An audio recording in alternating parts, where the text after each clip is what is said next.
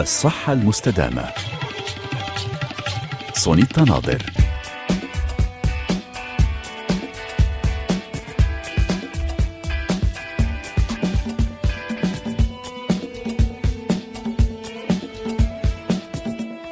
أرحب بكم مستمعينا في هذه الحلقة الجديدة من الصحة المستدامة. أرحب بكم في هذا اليوم الجديد آه، معكم برنامج الصحة المستدامة عبر أثير مونتي كارلو الدولية. كل يوم لكي يسهر على صحتكم. واليوم للمرة الأولى نستضيف آه، السيدة ريهام جرجور الاختصاصية في علم النفس والتربية الرقمية. وهذا هام جدا التربية الرقمية في عصرنا الحالي. الموضوع الذي الذي سنلقي الضوء عليه هو التالي كيف نتخلص من الإدمان الرقمي؟ سنقدم لكم دراسة في حلقتنا اليوم تقول إن المراهقين هم الأكثر إدمانا على الهواتف المحمولة. نتابع أيضا مسابقتنا اليومية معكم بهدف تحسين صحتكم والسهر عليها. لكي تفوزوا باستشارة مجانية مع ضيفتي اليوم ريهام جرجور أتمنى أن تكونوا أول من يجيب عن السؤال الذي سأطرحه في الفيديو الذي سأصوره مع سلافة اليوم. كل التحيات لك سلافة. في قسم التنسيق إذا أول من يعطينا الإجابة الصحيحة سيفوز باستشارة مجانية مع السيدة ريهام جرجور. تستطيعون التواصل معنا من خلال الكتابة إلي على رقم الواتساب التالي صفر صفر ثلاثة ثلاثة ستة صفر سبعة اثنين تسعة أربعة تسعة سبعة اثنين لطرح الأسئلة طبعا في رسائل صوتية أو نصية. كما ترغبون من الممكن أيضا الكتابة إلي على صفحة الصحة المستدامة على الفيسبوك أو التواصل معنا من خلال الاتصال بنا إلى استوديو البث المباشر في مونتي كارلو الدولية. هذا هو الرقم 0033 تسعة ستة تسعة ثلاثة اثنين ثلاثة ثلاثة واحد أربعة. أرحب بك ريهام جرجور كل التحيات آه، لك آه، من باريس إلى القاهرة حيث أنت. أهلا مساء الخيرات إذا آه، سعداء أن تكوني معنا للمرة الأولى للمساهمة في مهمة التوعية الصحية. يا ريت في البداية تقولين لنا ما الذي تعنيه تربية رقمية اليوم بما أنك اختصاصية في هذا المجال؟ أه، أول شيء بشكر حضرتك أستاذة سونيتا على الاستضافة الكريمة. التربية الرقمية هي موضوع فيني أقول إنه نحن انجبرنا عليه يعني نحن كلياتنا كأولياء أمور كأهل ومربين نحن مربين رقميين سواء شئنا أم أبينا نحن مربين رقميين لأنه. نحن ننتمي لاول جيل في التاريخ من الآباء والأمهات يلي عم يربوا أبناء بإيديهم موبايلات، أنا عمري 45 سنة، ابني عمره 15، بنتي عمرها 13، يعني ما فيني مثل ما بنقول أضعف الإيمان إنه إذا احترت بتربيتي لأولادي روح أقول آه، شوف كيف أمي ربتني أو اسأل أهلي كيف ربوني، لأنه السيناريو مختلف تماما حاليا بالنسبة للأطفال والمراهقين وحتى الشباب بسن الجامعة، فالتربية الرقمية الوالدية الرقمية هي digital parenting، تنشئة جيل من الأطفال والمراهقين والشباب في العصر الرقمي في عصر الثورة الرقمية والتكنولوجيا الرقمية. نعم. شكرا لك على التعريف بالتربية الرقمية لكي نفهم طبعا دورك في حلقة اليوم وهو هام جدا طبعا لنعرف آه، من هي الفئة العمرية الأكثر إدمانا؟ هل صحيح هم المراهقون؟ كيف نتخلص من الإدمان الرقمي؟ شكرا ريهام جرجور الآن ننتقل إلى دراسة اليوم. دراسة طبية حديثة تقول إن المراهقين هم الأكثر إدمانا على الهاتف المحمول. الصحة المستدامة. سونيتا ناظر. إذا أشارت دراسة حديثة نشرت في مجلة Frontiers in Psychiatry إلى أن إدمان الهواتف المحمولة يتسبب بمشاكل صحية عقلية خطيرة ومن المرجح أن يكون المراهقون الفئة العمرية الأكثر إدمانا على الهاتف المحمول. هذا وأوضح الخبراء أن الشباب الذين تقل أعمارهم عن 20 عاما هم الأكثر عرضة للإدمان على الهواتف المحمولة ما يتسبب السبب في مشاكل السلوكية لديهم ووجدت الدراسات أن حوالي 27% من مالكي الهواتف الذكية الذين تتراوح أعمارهم بين الحادية عشر والرابعة عشر عاما لا يغلقون هواتفهم الخلوية أبدا حتى أثناء نومهم. كما أشارت الدراسات إلى أن عوامل الخطر للإدمان على الهواتف المحمولة تؤدي إلى شعورهم بالقلق والاكتئاب انخفاض تقدير الذات الانطواء على النفس عدم السيطرة على الاندفاع. وبحسب جمعية الطب النفسي الأمريكية يعتبر استخدام الهاتف المزمن شكلا من أشكال الإدمان تم تطويره مؤخرا وعلى الرغم من أنه غير معترف به رسميا بعد كحالة مرضية في مجال الصحة العقلية لكنه يندرج تحت خانة الإدمان السلوكي والذي يمكن أن تكون له تداعيات خطيرة على الصحة. وأخيرا يشير الأطباء إلى أن ارتفاع هائل في حالات الاكتئاب والانتحار بين المراهقين في السنوات الأخيرة مرتبطة بإدمان الهاتف كما نبهت مراكز السيطرة على الأمراض والوقاية منها في السنوات الأخيرة إلى ارتفاع في معدل الانتحار بنسبة 65% لدى المراهقين عامة وارتفاع معدل الاكتئاب الحاد بين الفتيات بنسبة 58%. الصحة المستدامة سونيتا ناظر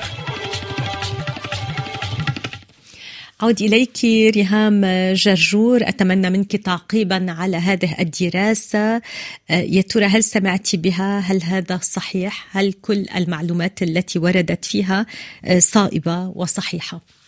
آه للأسف نعم المعلومات صائبة وصحيحة جدا وأنا بحب أضيف عليها أنه هي معلومات آه متأخرة. يعني أنا من سنة 2018 بدأت أكتب كتاب اسمه digital detox بيحكي عن إدمان ال gaming وأضرار الاستخدام المفرط للشاشات وال social media.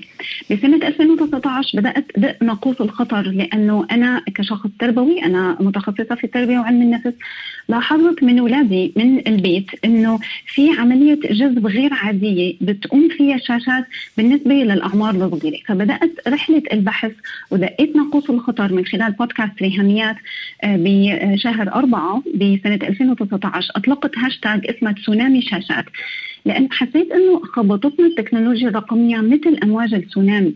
ما كان في سابق إنذار ومجتمعنا للأسف بطيء باستشعار الخطر وبطيء ب إنه يبتدي يتحرك آه قبل ما يكون فات الأوان.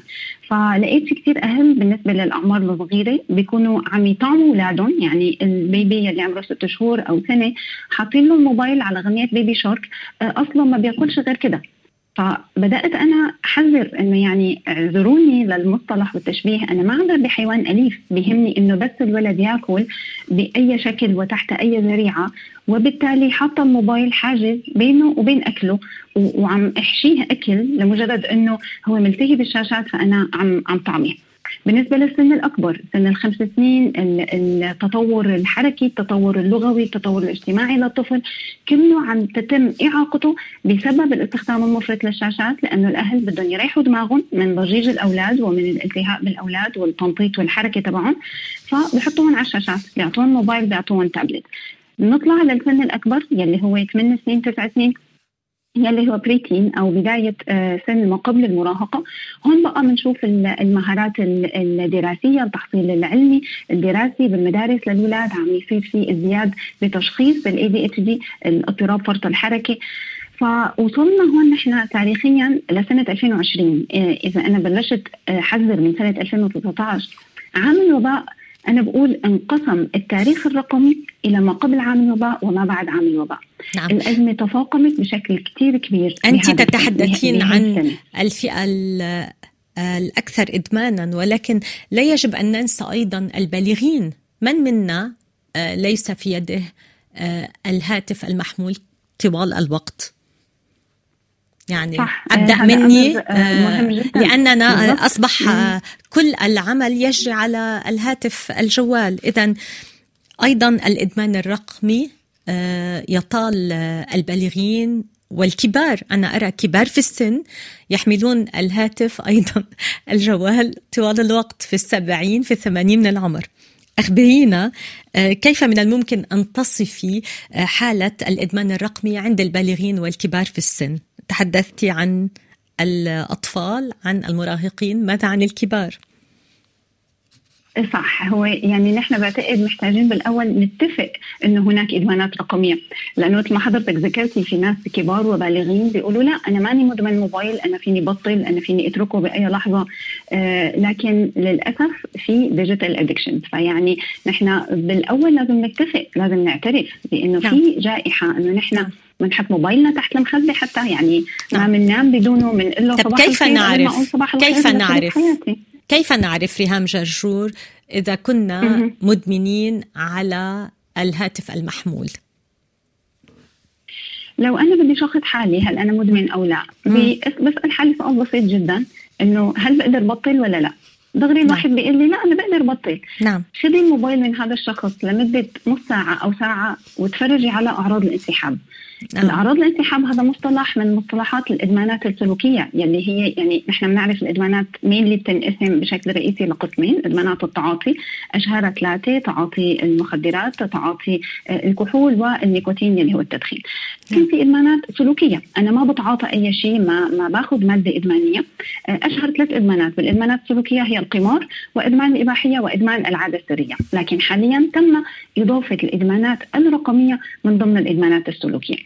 فلما بوقف أنا السلوك الإدماني تبعي وبيظهر علي أعراض انسحاب حتى لو كان الشخص عم يدعي إنه ما مدمن مجرد وجود القلق والاحتياج لاسترجاع السلوك لممارسه الشيء اللي هو عم يمارسه سواء gaming سواء social media وكمان بيحتاج جرعات متزايدة. يعني الناحية الثانية أو النقطة قلنا إنه أنا فيني شوف اتحدى الشخص هل فيك توقف؟ آه لما بشيل منه ال Xbox ولا ال PlayStation ولا ال social media تظهر عليه أعراض انسحاب فهذا أكبر دليل إنه هو مدمن. نعم. النقطة الثانية إنه في شيء اسمه التحمل أو التكيف العصبي. إنه أنا لما بكون عم بعمل حالة آه، توازن ما بين اللذه والألم هنا أنا بدي أجيب مصطلح يمكن كثار سمعانين عنه يلي هو دوبامين. دوبامين هو ناقل عصبي من النواقل العصبية. مهمته إنه يعمل توازن ما بين اللذة والألم. أنا هدفي إني أنا خفف الألم لو عندي أي شيء آه، عم يسبب لي ألم بالحياة سواء عندي مشاكل عندي آه، شغل شوق عندي دراسة آه، واجتهاد لو أنا مراهق لو أنا بسن الجامعة عندي مشاكل أسرية. فأنا بتالم أميل إلى تخدير الألم أو أميل إلى اللذة حتى أعلي اللذة وخفف الألم. هم اللي دور نعم. الدوبامين. بصير أنا بدور على سلوكيات يلي هي آه، في سياق حديثنا هي الإدمانات الرقمية سواء gaming أو social media وفي أنواع ثانية كمان للإدمانات الرقمية. فأنا بلجأ للتكنولوجيا الرقمية لحتى أعلي اللذة وخفف الألم لحتى أعمل محفزات للخلايا العصبية المنتجة لمادة الدوبامين إنه هي تكثر إنتاج الدوبامين. نعم. وهون بلاقي إني محتاج جرعة زيادة. فهي النقطة الثانية إنه إذا كنت أنا عم بحصل على جرعة دوبامين آه، من استخدام مثلا ساعة gaming أو ساعتين social media أو الفرجة المفرطة الشراهة بالفرجة binge watching على يوتيوب أو Netflix إلى آخره المرة اللي بعدها بصير أنا محتاجة جرعة أعلى للحصول على نفس مستوى اللذة. نعم. هي تماما كإدمان المخدرات إدمان الكحول نحن بحاجة دائما إلى جرعة أكبر للشعور آه، ب السعادة إذا حسب ما فهمت منك هناك عدة أنواع من الإدمان الرقمي. إدمان استخدام الهاتف الجوال إدمان استخدام مواقع التواصل الاجتماعي إدمان استخدام الأنترنت والإدمان على الألعاب الإلكترونية. هل هناك أنواع أخرى لم نذكرها؟ سمعت أن ربما هناك إدمان على بعض أنواع الموسيقى التي تبث أيضا. صح المخدرة. إنه هي بتأثر على بالضبط بتأثر لها تأثير على الخلايا العصبية وعلى النواقل العصبية. هذا بعلم الأعصاب بال neuroscience عم يدرسوا موضوع الموسيقى. آه، في إدمان القمار على الإنترنت في إدمان الإباحية أونلاين يلي هو طبعا أسهل وأرخص. وبيطال آه، سن صغير. يعني أنا لو ابني عمره 15 سنة بده يروح يعمل يلعب قمار ولا بده يوصل لمجلات إباحية آه، فالموضوع صعب. لكن حاليا الموضوع صار أسهل بالنسبة للرجال الكبار إنه من بيوتهم من الاختباء بأوضهم بنص الليل بأي وقت هي متاحة وهي سهلة وهي رخيصة. فهذا اللي مخلي إنه حتى الإدمانات اللي كانت تقليدية أو يعني مألوفة بالنسبة للقمار والإباحية أصبحت أسهل وأكثر انتشارا بسن أصغر وأسهل الوصول إلى بسبب وجودها أونلاين. إنه صار فيني أعمل gambling online قمار وصار فيني آه، أحصل على مواد إباحية أونلاين. فهي كمان من ضمن الإدمانات الرقمية بسبب وجود الإنترنت والأجهزة الإلكترونية. من هم الأشخاص الأكثر عرضة للإدمان سواء كانوا صغارا أم كبارا؟ طبعا نتحدث عن الإدمان الرقمي. هل هم الأشخاص الذين يعيشون آه، لوحدهم؟ ليس لديهم أسرة كبيرة؟ أخبرينا هل هناك بروفايل معين للشخص الأكثر ادمانا من الناحية الرقمية؟ هو الحقيقة فينا نبتدي من الجينات، في بعض الأشخاص عندهم استعداد جيني أو استعداد وراثي، مثل الأمراض الجسدية في ناس بيبقوا عندهم استعداد جيني للإصابة مثلا بمرض السكري أو مرض ضغط الدم إلى آخره. كمان في استعداد جيني للأمراض النفسية وللإدمانات، فجزء منها بيبقى جينات وجزء منها بيبقى البيئة المحيطة. يعني لو لقينا شخص مدمن بسن العشرينات مثلا فينا نرجع إلى طفولته نشوف العوامل البيئية المحيطة بتنشئته. آه، هل حصل انفصال للوالدين؟ هل حصل حالة فقد وجريف؟ آه، بسبب وفاة أحد الأقارب أو أحد الأشخاص المحوريين بحياته لما هو كان طفل؟ آه، هل كان هو مهمل؟ بالنسبة لأسلوب الوالدية هل كان في قسوة مفرطة من الأهل؟ هل كان في تعنيف جسدي تعنيف لفظي؟ كل هي عوامل البيئية مثل بتمهد بتمهد الأرض أو بتكون تربه خصبه لما تجي. بذرة الإدمان. تقع فيها فبنلاقي إنه آه، أثمرت وحصل فعليا الإدمان لأنه لقى البيئة اللي تحتضنه لهذا الإدمان، طبعا آه، بالوضع الحالي له لهذا الشاب إذا ذكرنا مثال شاب بالعشرينات ممكن العزلة مثل ما حضرتك ذكرتي أكيد يعني الوحدة النظرة الدونية آه، ممكن يكون التنمر. لو شخص عم يتعرض للتنمر بالمدرسة فهو بيثبت ذاته أو بحس بقيمته. لما بيكون أونلاين لما بيكون على ال social media بيعمل chatting الشخص يلي حاسس بالضعف أو العجز أو الفشل لو حدا مثلا اترفض من شغله مثل ما شفنا بسنوات كورونا آه، هذا فيه ظلم شديد واقع عليه فبيحس بعدم الإنجاز وبالتالي بيدمن ال gaming ليش؟ لأنه ال video games بتعطيه شعور بالإنجاز إنه أنت عم تطلع لل level أعلى وأنت عم تحقق شيء مع إنه هذا وهم. يعني هذا إنجاز وهمي فعليا بواقع افتراضي وليس بالواقع الحقيقي. فالسن من حيث الشريحة العمرية طبعا المراهقين هم الاكثر عرضة آه، للإدمان لأنه بسن المراهقة بيحصل فورة وطفرة بنمو الدماغ. وبالتالي إذا أنا ما غذيت هذا النمو المتسارع برياضة بنشاط بدني بنشاط ذهني تحصيل دراسي آه، موسيقى آه، فن إبداع مواهب فالفراغ يلي جوا دماغه للمراهق بيدخل دغري الإدمان وبيعبيه نعم. بنفس الوقت مثل ما قلت سهولة الوصول للممارسات الإدمانية يعني الموبايل بإيدي وكل ما عم تصير أصغر وأصغر. الأجهزة الرقمية والإنترنت كانت قبل بال dial up tone يلي ولادي ما سمعوه يعني ما بيعرفوه لل dial up tone لأنه هلأ كله صار واي فاي وكله صار متاح صار عندنا 4 G و 5 G فالولد متاح له 24 ساعة آه، بسرية أوضة النوم بخصوصية سن المراهقة لما بيكون هو معزول اولا بحس إنه هو ممكن يعمل إشياء ما حدا يشوفه وبالتالي كأنه حياته اونلاين ما حدا شايفها. بالنسبة للبنات إذا عم نحكي إنه احصائيا إدمان ال social media عند الإناث أكثر إدمان ال gaming والإباحية عند الذكور بيكون أكثر بنفس الوقت أوض النوم أنا لهيك كثير بحذر من موضوع الموبايلات أثناء النوم لأنه آه، بالليل بتكون ال prefrontal cortex يلي هي قشرة الفص الجبهية بالدماغ الجزء من الدماغ يلي خلف الجبين أو الجبهة. هي المنطقة من المخ اللي مسؤوله عن القرارات الإرادية والواعيه المسؤوله عن التخطيط للمستقبل. هي اللي بتكون في مرحلة نمو ونضوج. فعند المراهقين لما بنجي بمرحلة نمو ونضوج عدم اكتمال لهالمنطقة وبمرحلة التعب والإرهاق بالليل وبالتالي هذا بيعني إنه ما في قرارات منطقية تتاخذ. فبيتهور المراهق ممكن يعمل سلوكيات غير مقبولة اخلاقيا ودينيا آه، وممكن يعمل سلوكيات عدائية. طبعا مستوحاة من ألعاب مثل الببجي ومن ألعاب جيمنج عنيفة. وممكن كمان يكون عم يوصل لمحتوى إباحي. بالنسبة للبنات كمان بيبقوا ميالين أكثر للإصابة بالاكتئاب والإصابة بتشوه الصورة الذاتية. يعني لما نلاقي filters على انستغرام يلي عم تعمل bombardment حرفيا آه، هجوم مثل الأسلحة. يعني عم تهجم على التربة الطرية تبع البنت المراهقة يلي already صورتها الذاتية ممكن تكون مهزوزة وبالتالي ال filters بتحسسها إنه هي الوحيدة يلي آه، تخينة فبنلاقي أمراض ال anorexia وأمراض البوليميا نعم طبعا عدم الرضا عن المظهر آه، يأتي أيضا بالضبط. من مقارنة النفس بالآخرين وأيضا آه، نرى العيوب لا نرى الجمال الطبيعي آه، على وسائل التواصل الاجتماعي مثل ما ذكرت نرى الوجه بعد الفلتر.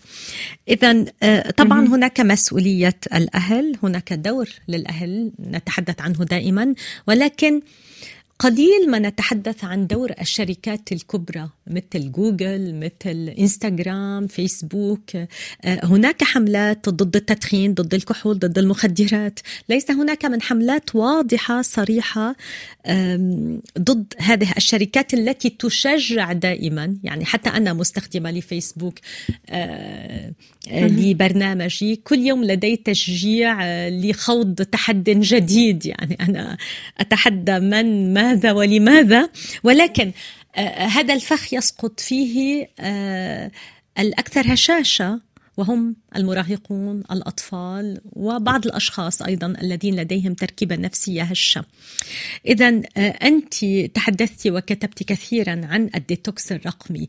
هل تحدثت عن مسؤولية الشركات الكبرى التي تشجع كل يوم كل ثانية على استخدام كل ما هو رقمي في حياتنا؟ نحن لازم نحملهم المسؤولية بشكل متزايد ولكن ما رح نتوقع منهم أي غيرة أو أي خوف أو أي حرص على صحتنا أو صحة أولادنا.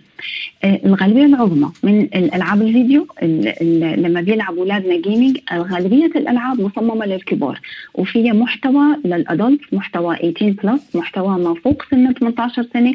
آه، لهيك ما رح استنى أنا من شركة متنفعة تحصد الثروات الطائلة يعني صناعة ال gaming وال eyeball minutes بيسموها يعني نحن بنشوف social media ال platform كلياتها عم تتنافس مين فيه يحصل على انتباهي أكثر يعني لما مثلا تيك توك عملوا فيديوهات بالطول لقينا انستغرام قلدتهم وعملت ال reels نعم. لقينا فيسبوك ونعم في منافسة بين الشركات بالضبط. الكبرى. نعم.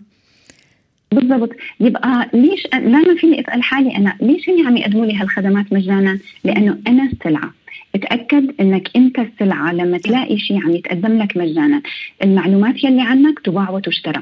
الوقت تبعك يباع ويشترى. هي هي السلعة الحقيقية. فطالما في ناس متنفعين يعني صناعة الجيمنج حاليا بتنافس بمليارات الدولارات آه، صناعات مثل استخراج البترول صناعات مثل تجارة المخدرات تجارة السلاح حرفيا صارت صناعة ال gaming آه، بتدر الأموال الطائلة. نعم. من خلال شيء اسمه microtransaction نعم وكل يعني هذا يباع تحت عنوان كبير هو التقدم التكنولوجي. يجب أن لا ننسى.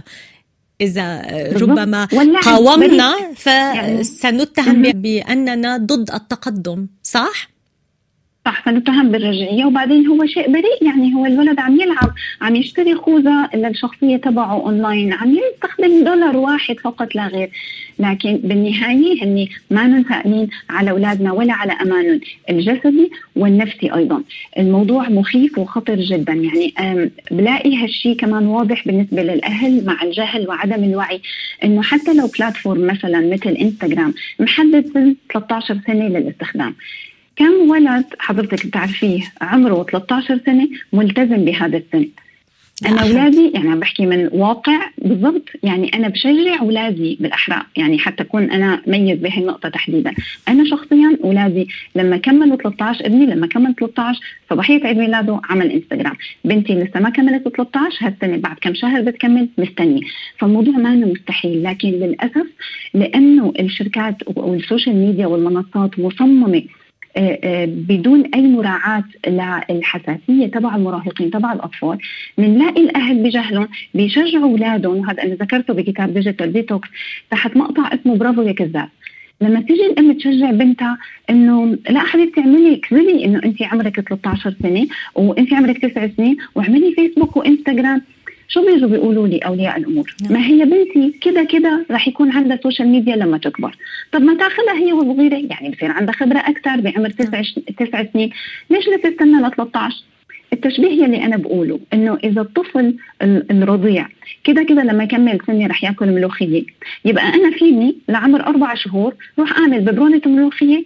ورضع ابني اللي عمره أربع شهور ببرونه ملوخيه نعم. طبعا التشبيه يعني آه لا يعقد لكن هو نعم. بالضبط ببرونة ملوخية لما أنا بسمح لابني اللي تحت عمر 13 سنة إنه يكذب برافو يا كذاب وبسمح له إنه يعمل حسابات على ال social media وبعدين بجي بلطم وبقول آه، صابوا كذا في متحرشين آه، بنتي مكتئبة عندها أفكار انتحارية. طيب ما يعني الحقيقة أنا لو سألتيني شخصيا أنا مجحفة شوي وبقول لازم يبقى 16 سنة حتى مش 13 سنة ده 13 سنة بدري قوي كمان. ولكن على الأقل رجائي من أولياء الأمور انه نلتزم بالسن اللي حاطينه آه، منصات السوشيال ميديا. على العلم مع العلم يعني بأنه المنصات اختارت سن 13 مو لأنه آه، استشاروا أخصائيين نفسيين اطلاقا لأنه في شيء بالقانون الأمريكي بقانون الدول الكبرى بيمنع آه، قانونيا بتاخذه على المحكمة إنه تحت سن 13 سنة يتم مشاركة البيانات. فقط لا غير. يعني تحديد السن حتى كان عشوائي كمان. وما في مراقبة ولا في متابعة إنه هذا الطفل عم يكذب ولا لا. فبالنهاية هي مسؤوليتي أنا كمربي كأب كأم إني أنا أحرص على المتابعة لحفاظ آه، آه، الحفاظ على الصحه النفسيه لأولادي وأمانهم الجسدي والنفسي كمان. إذا وصلنا إلى آه، سؤال حلقتنا اليوم. بما أنك كتبتي كتبا عن الديتوكس الرقمي. كيف من الممكن أن نتبع بروتوكول ديتوكس لكي نتخلص من الإدمان الرقمي؟ وأنا أكيد أنه النصائح ستفيد الأهل المراهقين الكبار الصغار كل من يستمع إلينا اليوم. تفضلي سيدة ريهام جرجور. آه، يعني الحقيقة يعوزني الوقت لحتى أحكي عن التخلص نعم ليس لدينا الكثير من الوقت ولكن بشكل سريع قبل اخذ أسئلة المستمعين. هذا صحيح. بس خليني جاوب سريعا على تساؤل قد يكون آه، آه، بدور بأذهاننا. هل هناك علاج دوائي للإدمان الرقمي بكتاب digital detox بشرفني الدكتور ماجد عزمي استشاري الطب النفسي لحتى يحكي عن هي النقطة تحديدا إنه العلاج الدوائي بالنسبة للإدمان الرقمي غير موجود لأنه العلاج الدوائي هو منحصر بجزئية الاكتئاب. الإدمان الرقمي عادة بيصاحبه أمراض نفسية ثانية وأهم مرض الاكتئاب. حتى لما أنا بجي بعالج الاكتئاب آه، دوائيا عن طريق وصفة psychiatrist وليس psychologist أنا psychologist بستخدم العلاج المعرفي السلوكي CBT cognitive behavioral therapy وأساليب علاجية ثانية لكن ال psychiatrist آه، مثل الدكتور ماجد عزمي وكل الاخصائيين الأطباء النفسيين. بيوصفوا أدوية، الأدوية كمان بتعالج الاكتئاب بالتزامن مع العلاج السلوكي، يعني أنا ما بعطي حبوب للشخص وبقول له خلص بتاخذ هذا الدواء فأنت بتطيب. بنفس الطريقة العلاج آه، للإدمان الرقمي، لو كان في علاج دوائي عم يعني يحاول يخلي الشخص يتجاوز الاكتئاب اللي هو فيه فلازم يرافقه العلاج السلوكي. هلأ بالتخلص من الإدمانات الرقمية فينا نبتدي بما نمتنع عنه. يعني كيف لا أتخلص من الإدمانات الرقمية؟ أكيد مش بالتنمر والوصمه أنا ما راح أروح آه، آه، ألقي الاتهامات على أولادي ويكون هجومي لحتى أخليهم يتخلصوا من الإدمانات الرقمية. وليس بالشعور بالخزي والذنب والعار والتخويف والترهيب خاصة الاعتماد على الوازع الديني وليس بالعنف. تحت ذريعة إنه هي أساليب هدفها التحفيز إنه تخلق دافع للشخص لحتى يتخلص من الإدمان الرقمي. ولكن طرق التخلص من الإدمان الرقمي أول خطوة هي إني آمن بنفسي. لازم تعرف إنك أنت قادر على التخلص من الإدمان ايا كان إدمان gaming أو إدمان social media لما بكسر حاجز الخوف سواء الخوف من الفشل أو الخوف من الانتكاسة أو الخوف من التعافي نفسه إنك أنت تعودت على حياتك كمدمن وخايف من المجهول لو تعافيت لا لا تخاف قرر وأنت قادر إنك تتخلص من الإدمان الرقمي. ثاني خطوة إنك أنت تحط الهدف قدامك. تخيل حياتك كيف ممكن تكون وإنت حر من الإدمانات الرقمية بدون الكلبشات يلي على إيديك، كيف ممكن حياتك تكون مثمرة، كيف ممكن يكون وقتك ما عم يستنزف، كيف ممكن تكون صحتك أفضل، ما عم تكون عايش حياة خمول، عايش عندك أمراض بسبب الشراهة بالأكل أو يمكن يكون عندك إدمانات ثانية مع الإدمانات الرقمية. خطوة ثانية إنه لو أنت أدلت فيك تحط حواجز وحدود ذاتية. يعني بمحض إرادتك أنت بأثناء الراحة ما تحطها. طبعا أنت لو حاسس بألم وعندك الرغبة الملحة في معاودة السلوك الإدماني لا أنت حاول مثلا تضب لعبة ال PlayStation كلياتها بمكان بعيد لحتى تساعد حالك بالحدود الذاتية صعوبة الوصول للأجهزة الرقمية اللي عم تسبب لك الإدمان. بالنسبة للسيدات أنت ممكن تمسحي application من على موبايلك بكل بساطة. نعم. تعملي ال notifications silent نضع الهاتف في غير غرفة. نعم. بالضبط. أهم شيء يعني لو بدي ألخصهم يعني مشان لضيق الوقت يعني. لو بدي أقول على ثلاث إشياء فينا نعملها اليوم حرفيا اليوم هلأ يعني نقرر ونعملها. اولا ممنوع منعا باتا أي موبايلات جوات اوض النوم أثناء النوم. لو أنا محتاجة منبه أشتري منبه عادي وحط الألارم. ولما أنا بعمل هيك اولادي رح يعملوا مثلي. بالنهاية أنا مثال لاولادي النوم آه يعني أهميته خطيرة جدا وممكن نحكي عنه ساعات وساعات وأيام. الشاشات والإدمانات الرقمية عم تضرب النوم عم تسبب أرق ومشاكل كثير كبيرة بالنوم وبالتالي عم تعمل مشاكل ثانية بسبب نقص النوم. ثاني شيء أنا ممكن أعمله اليوم وطبقه ممنوع الشاشات وقت الأكل. سواء على السفرة نحن بناكل مع بعض كأسرة سواء أنا عايش لحالي كطالب باكل لحالي عايشة أنا مستقلة ببيت لحالي. أثناء تناول الطعام اطفي الموبايل حطه بعيد عني وركز ب mindfulness بهدوء ب meditation. انتبه للأكل يلي عم باكله. أحمد الله على النعمة يلي قدام عيوني. لأنه الأكل بطريقة مغيبة اولا بيعمل شراهه بالاكل ثانيا لما تقعد الأسرة كل واحد ماسك موبايله إلى السمنة. نعم. يؤدي. لأن ناكل نأكل بشكل غير واعي. غير بعيدا عن الإدراك. آه، أود أن أسمعك أكثر وأكثر ريهام جاجور ولكن للأسف تجاوزنا وقت الجزء الأول منذ عشر دقائق الآن. آه، سنتابع طبعا أخذ كل المعلومات منك من خلال ردك على آه، أسئلة مستمعينا بعد المحطة الغنائية التي سنستمع إليها. أشكرك كثيرا على كل هذه المعلومات وأذكر أنك اختصاصية في علم النفس والتربية. التربية الرقمية.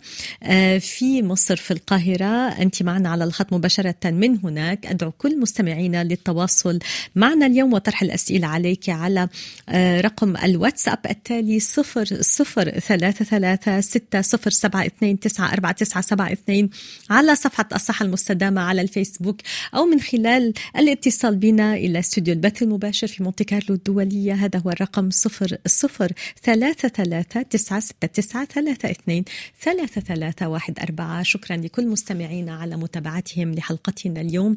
شكرا فالنتين في قسم هندسة الصوت والإخراج سلافة عويشق في قسم التنسيق وطبعا للسيدة ريهام جاجور. أعود إليكم جميعا مباشرة بعد هذه المحطة الغنائية. عمك طبيب جنب الشمال ده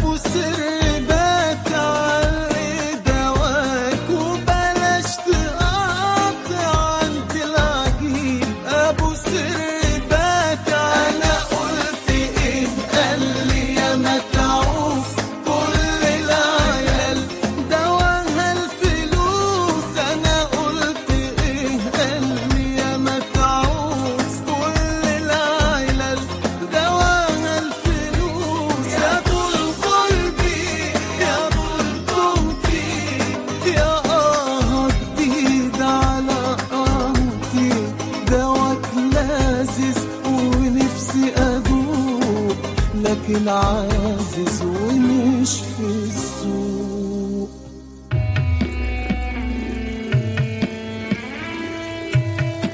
الصحة المستدامة. سونيتا ناظر.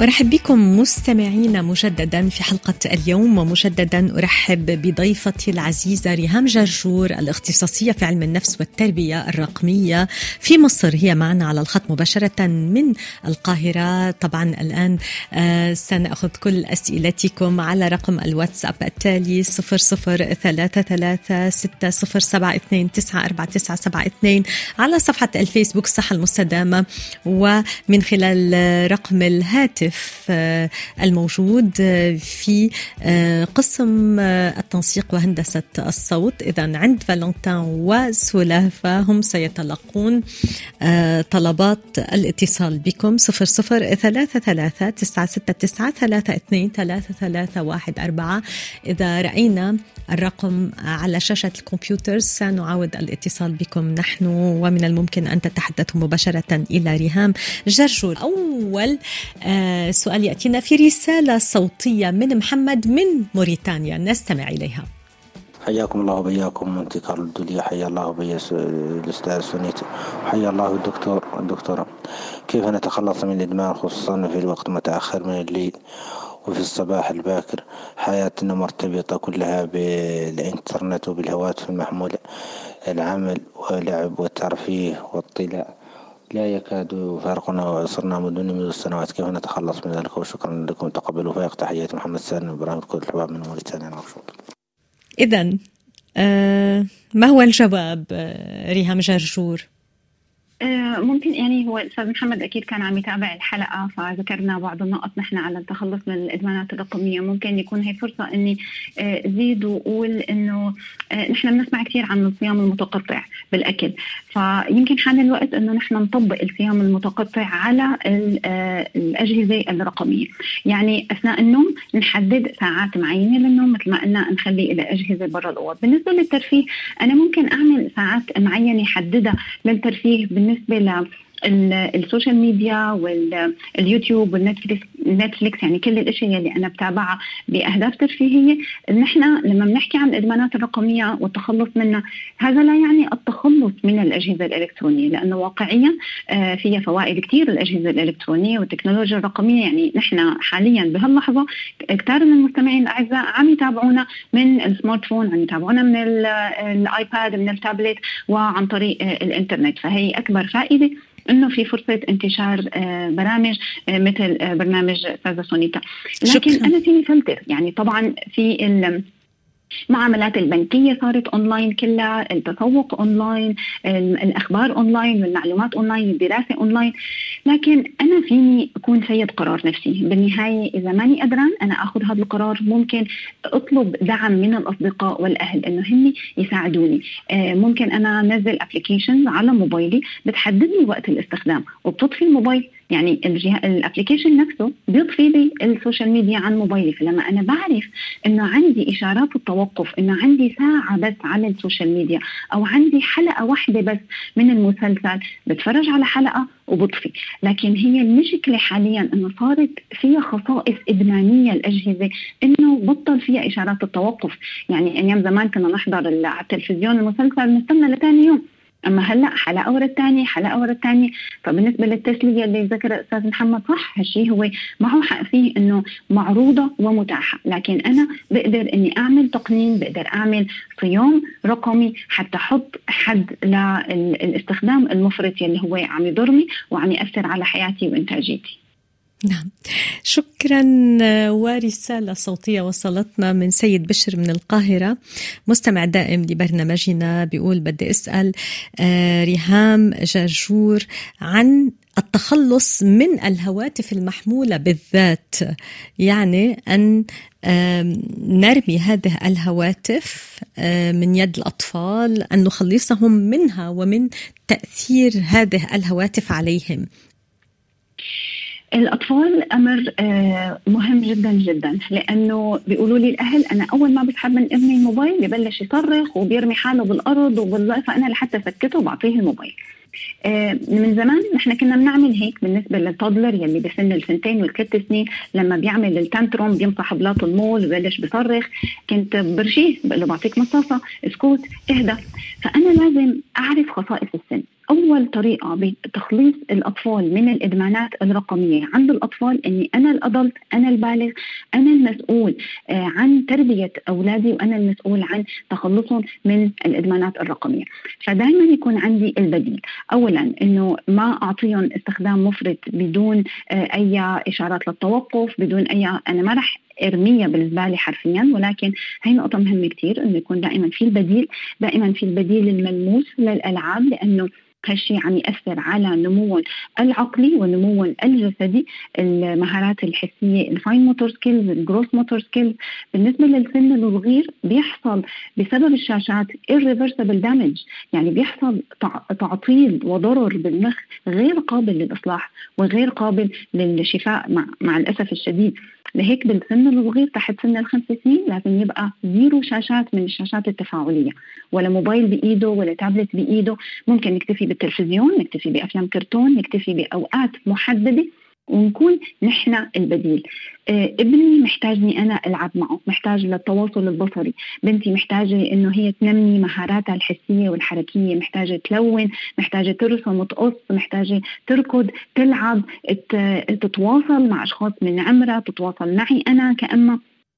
فهون بيجي دور الأهل. 100% الدور على الأهل بالنسبة للأطفال تحت سن ست سنين أو خمس سنين. مع السن الأكبر شوي بنبتدي بقى ندخل بموضوع التفاهم وبناخذ برأيهم آه، بنحكي معهم بنحدد مع بعض أوقات الاستخدام ال- الصحي للموبايل وشو هو المحتوى يلي عم يتعرضوا له. هاي نقطة تانية. يعني تحت عمر الخمس سنين ما في أي يعني حتى تحت ذرائع تعليمية وبدي أعلمه إنجليش وأغاني. لا لا لا أبدا أبدا أبدا. نكتفي بالتلفزيون. ما يكون في أشعة قريبة من عيونه للطفل للبيبي للرضيع لعمر السنتين. وهو محتاج حتى التلفزيون ما يقعد عليه أوقات طويلة لأنه محتاج يلعب لنموه الدماغي والنمو العصبي والنمو الاجتماعي لأنه في مراحل آه، بالنمو. لو ما حصل عليها رح يصير عنده إعاقة. هل هل شكراً. الشاشات بتسبب توحد؟ نعم. نعم. هذا خطر جدا لازم نحن نحذر منه وننتبه له. شكرا. ورسالة صوتية وصلتنا أيضا فيها أسئلة لك ريهام جرجور. أعتقد أنه من الأفضل أن نعيش اللحظة بدلا من أن نخزنها بذاكرة هواتفنا. لا مانع من ذلك بعض الأحيان لكن المداومة عليه قد تجعلنا نعيش الحياة الافتراضية أكثر من عيشنا الحياة الواقعية مع من نحب ومع أنفسنا. كان ذلك تعقيبا. أسئلتي هل كثرة استعمال الهاتف بالنسبة للأطفال قد تضعف الذاكرة وتضعف القدرات العقلية عندهم مع مرور الزمن؟ ثانيا هل أخذ الطفل بين الفينة والأخرى في الطبيعة الخلابة قد يبعده عن الهاتف وقد يكون له أثر إيجابي في ترك الإدمان؟ كان ذلك وشكرا لكم. شكرا أرجو أن نجيب بسرعة لأن وقت البرنامج تقريبا انتهى وباقي لدينا آه، بعد آه، رسالتان. تفضلي ريهام. شكرا كثير لرأي الأستاذ على التعقيب. نحن فعلا محتاجين نعيش اللحظة بعيدا عن تصوير لحتى نخزن اللحظة بنخسر إنه نعيشها بالنسبة للذاكرة نعم بتأثر. الموبايلات بتأثر على ذاكرة الأطفال وبتأثر على الاتنشن سبان بتأثر على فترة التركيز. بيعيشوا مشتتين وبالتالي ما بيقدروا يركزوا بالتحصيل العلمي ما بيقدروا يركزوا آه، بالانتباه ما بيقدروا يسمعوا أي شيء لمدة تتجاوز دقائق أو حتى يمكن ثواني.